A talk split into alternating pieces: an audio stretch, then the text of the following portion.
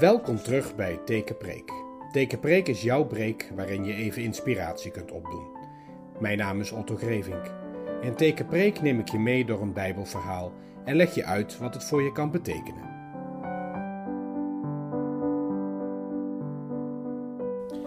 Ik lees voor je uit Genesis 3, het verhaal van het paradijs.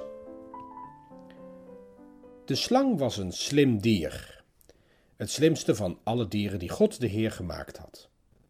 De slang vroeg aan de vrouw: God heeft zeker gezegd dat je van geen enkele boom in de tuin mag eten. Nee, zei de vrouw, we mogen de vruchten eten van alle bomen, behalve van de boom in het midden van de tuin. Als we van die boom eten, of hem alleen maar aanraken, zullen we sterven. Dat heeft God gezegd. Sterven, zei de slang. Jullie zullen helemaal niet sterven. Maar God weet wat er gebeurt als jullie van die boom eten. Dan zullen jullie alles begrijpen.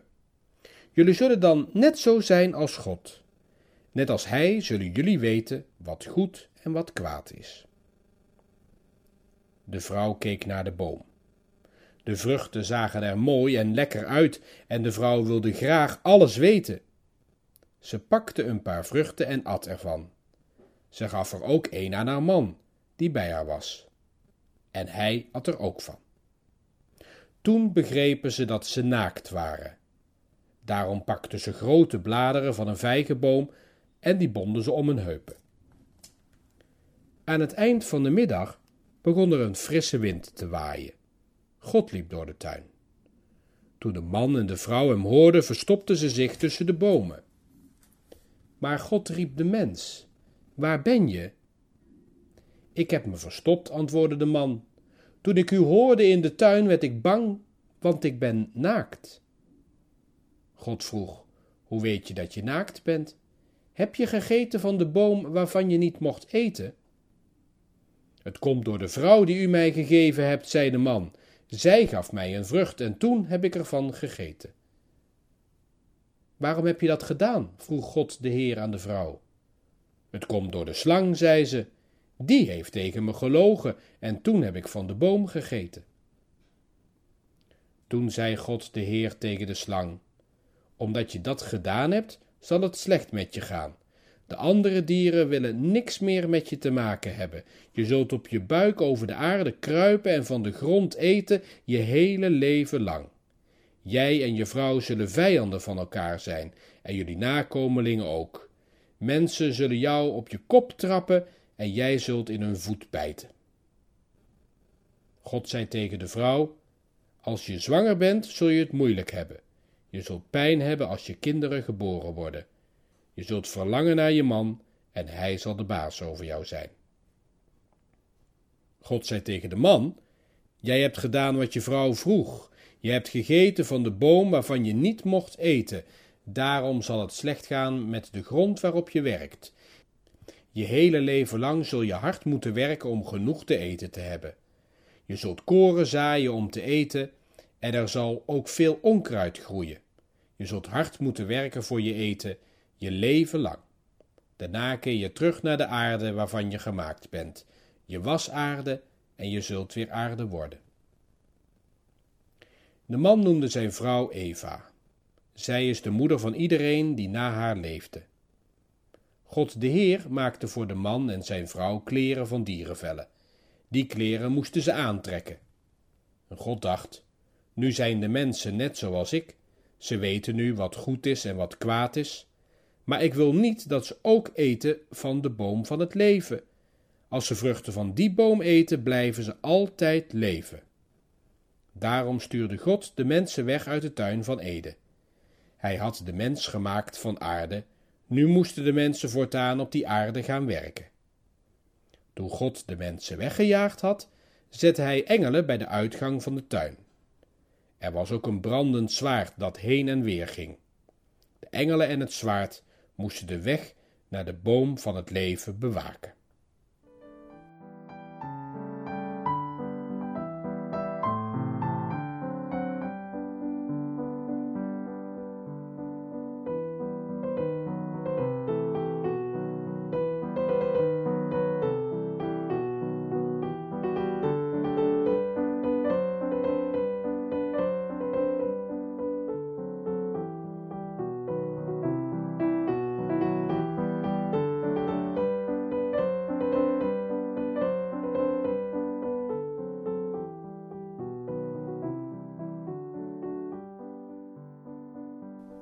We lezen vandaag een van de eerste verhalen van Genesis, een van de oerverhalen. En we doen dat niet zomaar.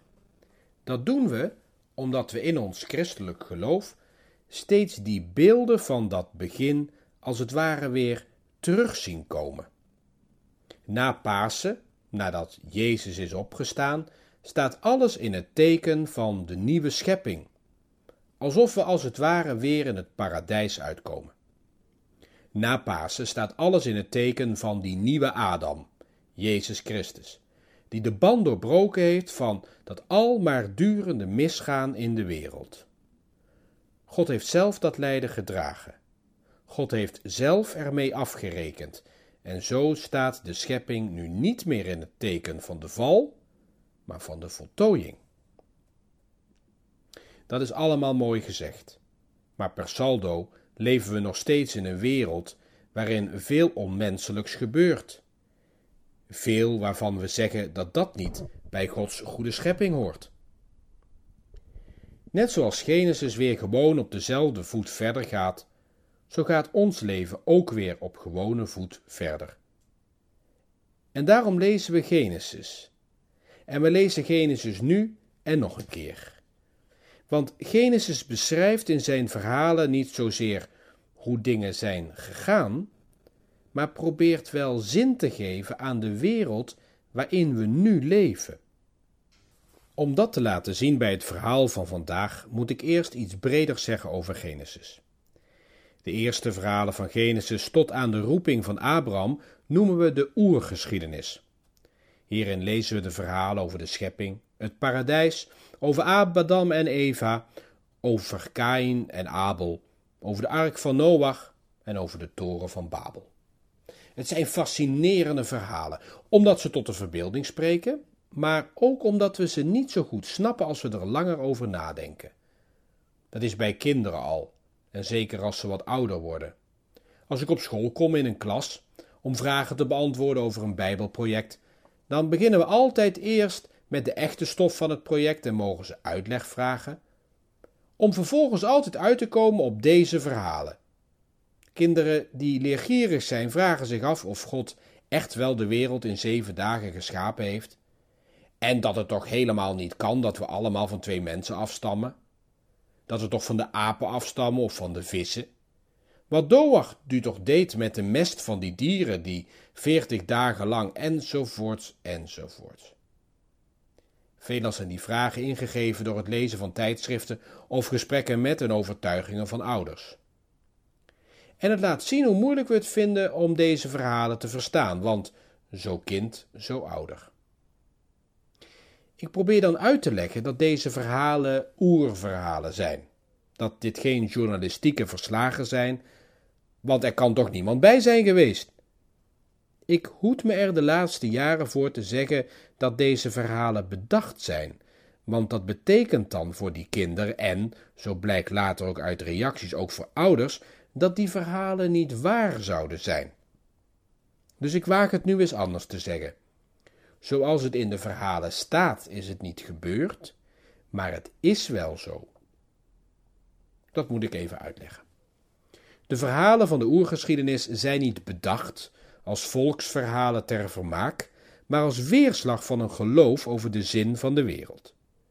Het gaat er daarbij niet om om te verklaren hoe de wereld in elkaar zit en hoe die is geworden, zoals die is in technische of in wetenschappelijke zin, maar het gaat er in die verhalen om waartoe de wereld is zoals die is. Toen de mensen het scheppingsverhaal vertelden en opschreven, ging het er niet om hoe de mens is geschapen, maar waartoe. En dat gewone aanleiding van vragen die iedereen kon stellen. Waartoe bestaat de aarde uit water en land, uit vissen in de zee, vogels in de lucht, beesten op het land? Waartoe bestaat de mens in dit geheel? Wat is zijn taak? Waartoe is zijn heerschappij over de wereld? Maar de vragen gaan ook verder. Waartoe is de mens man en vrouw? En hoe komt het dat zij van tweeën één zijn, maar zo vaak ook weer van ene twee? Dat mensen zelfs tegenover elkaar staan, nomaden, Abel tegenover gezettelden, Kain. Waartoe is het land zo moeilijk te bewerken? Waarom is het leven geven zo zwaar? Waartoe is het dat het leven nooit helemaal lekker loopt?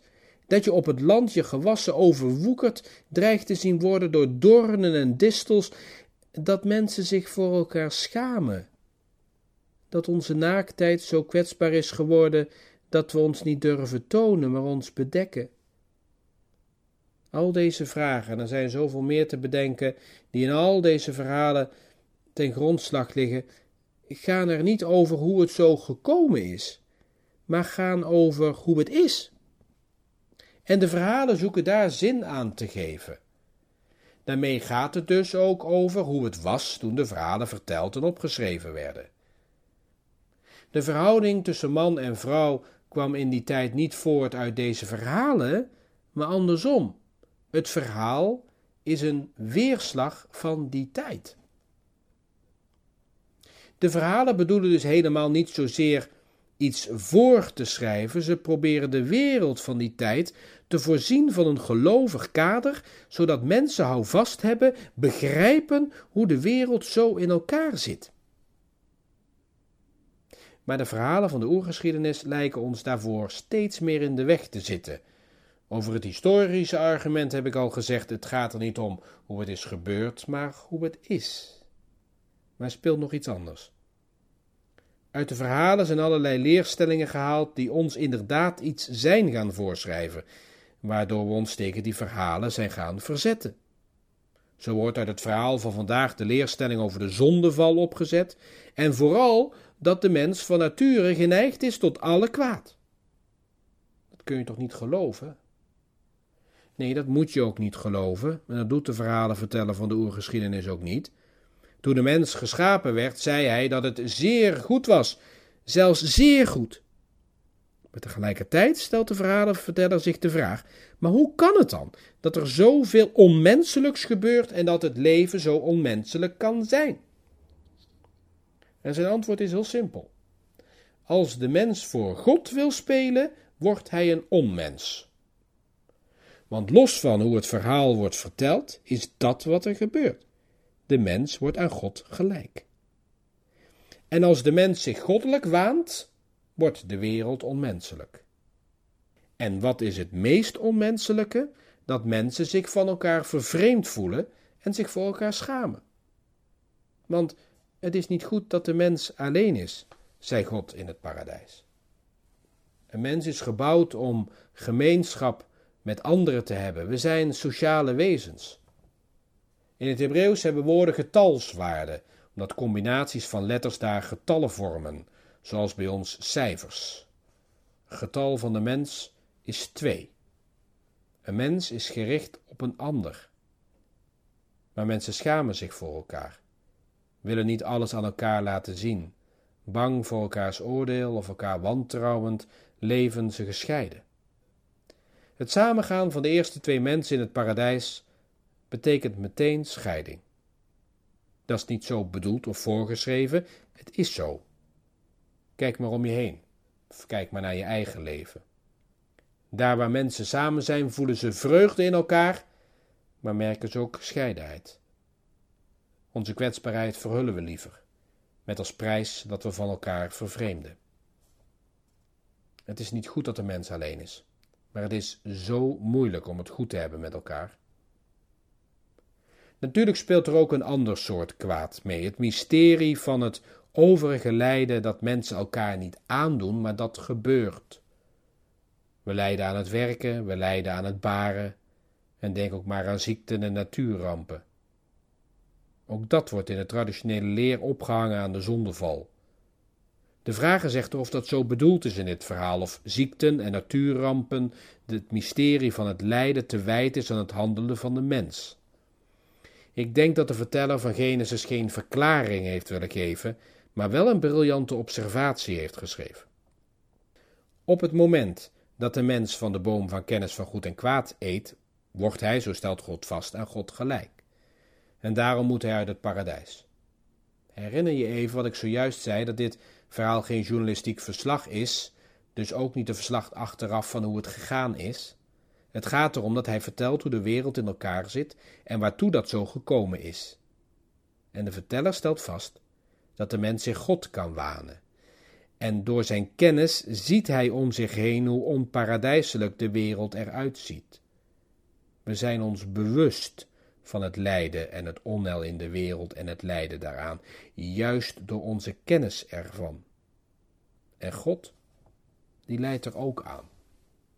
Het lijden gaat niet buiten God om, juist niet.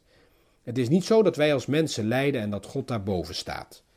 Nee, omdat wij aan God gelijk zijn, weten wij van het kwaad en lijden wij. Het is een ondergrondelijk mysterie hoe dat lijden deel is uit gaan maken van die goede schepping. En dit verhaal heeft daar geen verklaring voor willen geven. Het verhaal geeft er een gelovig kader aan. Met dat de mens kennis van goed en kwaad bezit en over elkaar en over de wereld voor God wil spelen, vervreemden mensen van elkaar tot hun eigen schade en schande. Wat God samenbrengt, scheidt de mens in meerdere opzichten. Maar we zijn ons ook bewust van het onheil in de wereld, omdat we nu een keer die kennis hebben. Dat lijden in de wereld gaat niet buiten God om. En dat heeft dit verhaal ook niet willen zeggen.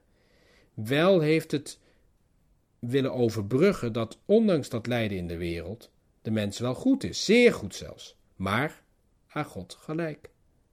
Steeds in strijd levend met hem en met elkaar. Er was één mens die dat heeft doorbroken. Die God en mens tegelijk wordt genoemd. Die liet zien dat het lijden niet buiten hem, buiten God omging die de tekenen droeg, toen hij zich weer levend liet zien aan zijn leerlingen. Een ongehavende Jezus zouden de leerlingen niet herkend hebben, ook niet als hij er precies zo uitzag als voor de kruisiging. Daarvoor is er te veel gebeurd. Alleen een God die ons lijden kent, kan ons er doorheen trekken. Gods antwoord op een mens die aan God gelijk werd, is dat hij aan die mens gelijk werd. Zo komt het paradijs weer in zicht. Een nieuwe Adam maakt alles goed. Onder die belofte leven we, vandaag tot aan de voltooiing van ons leven en van de wereld.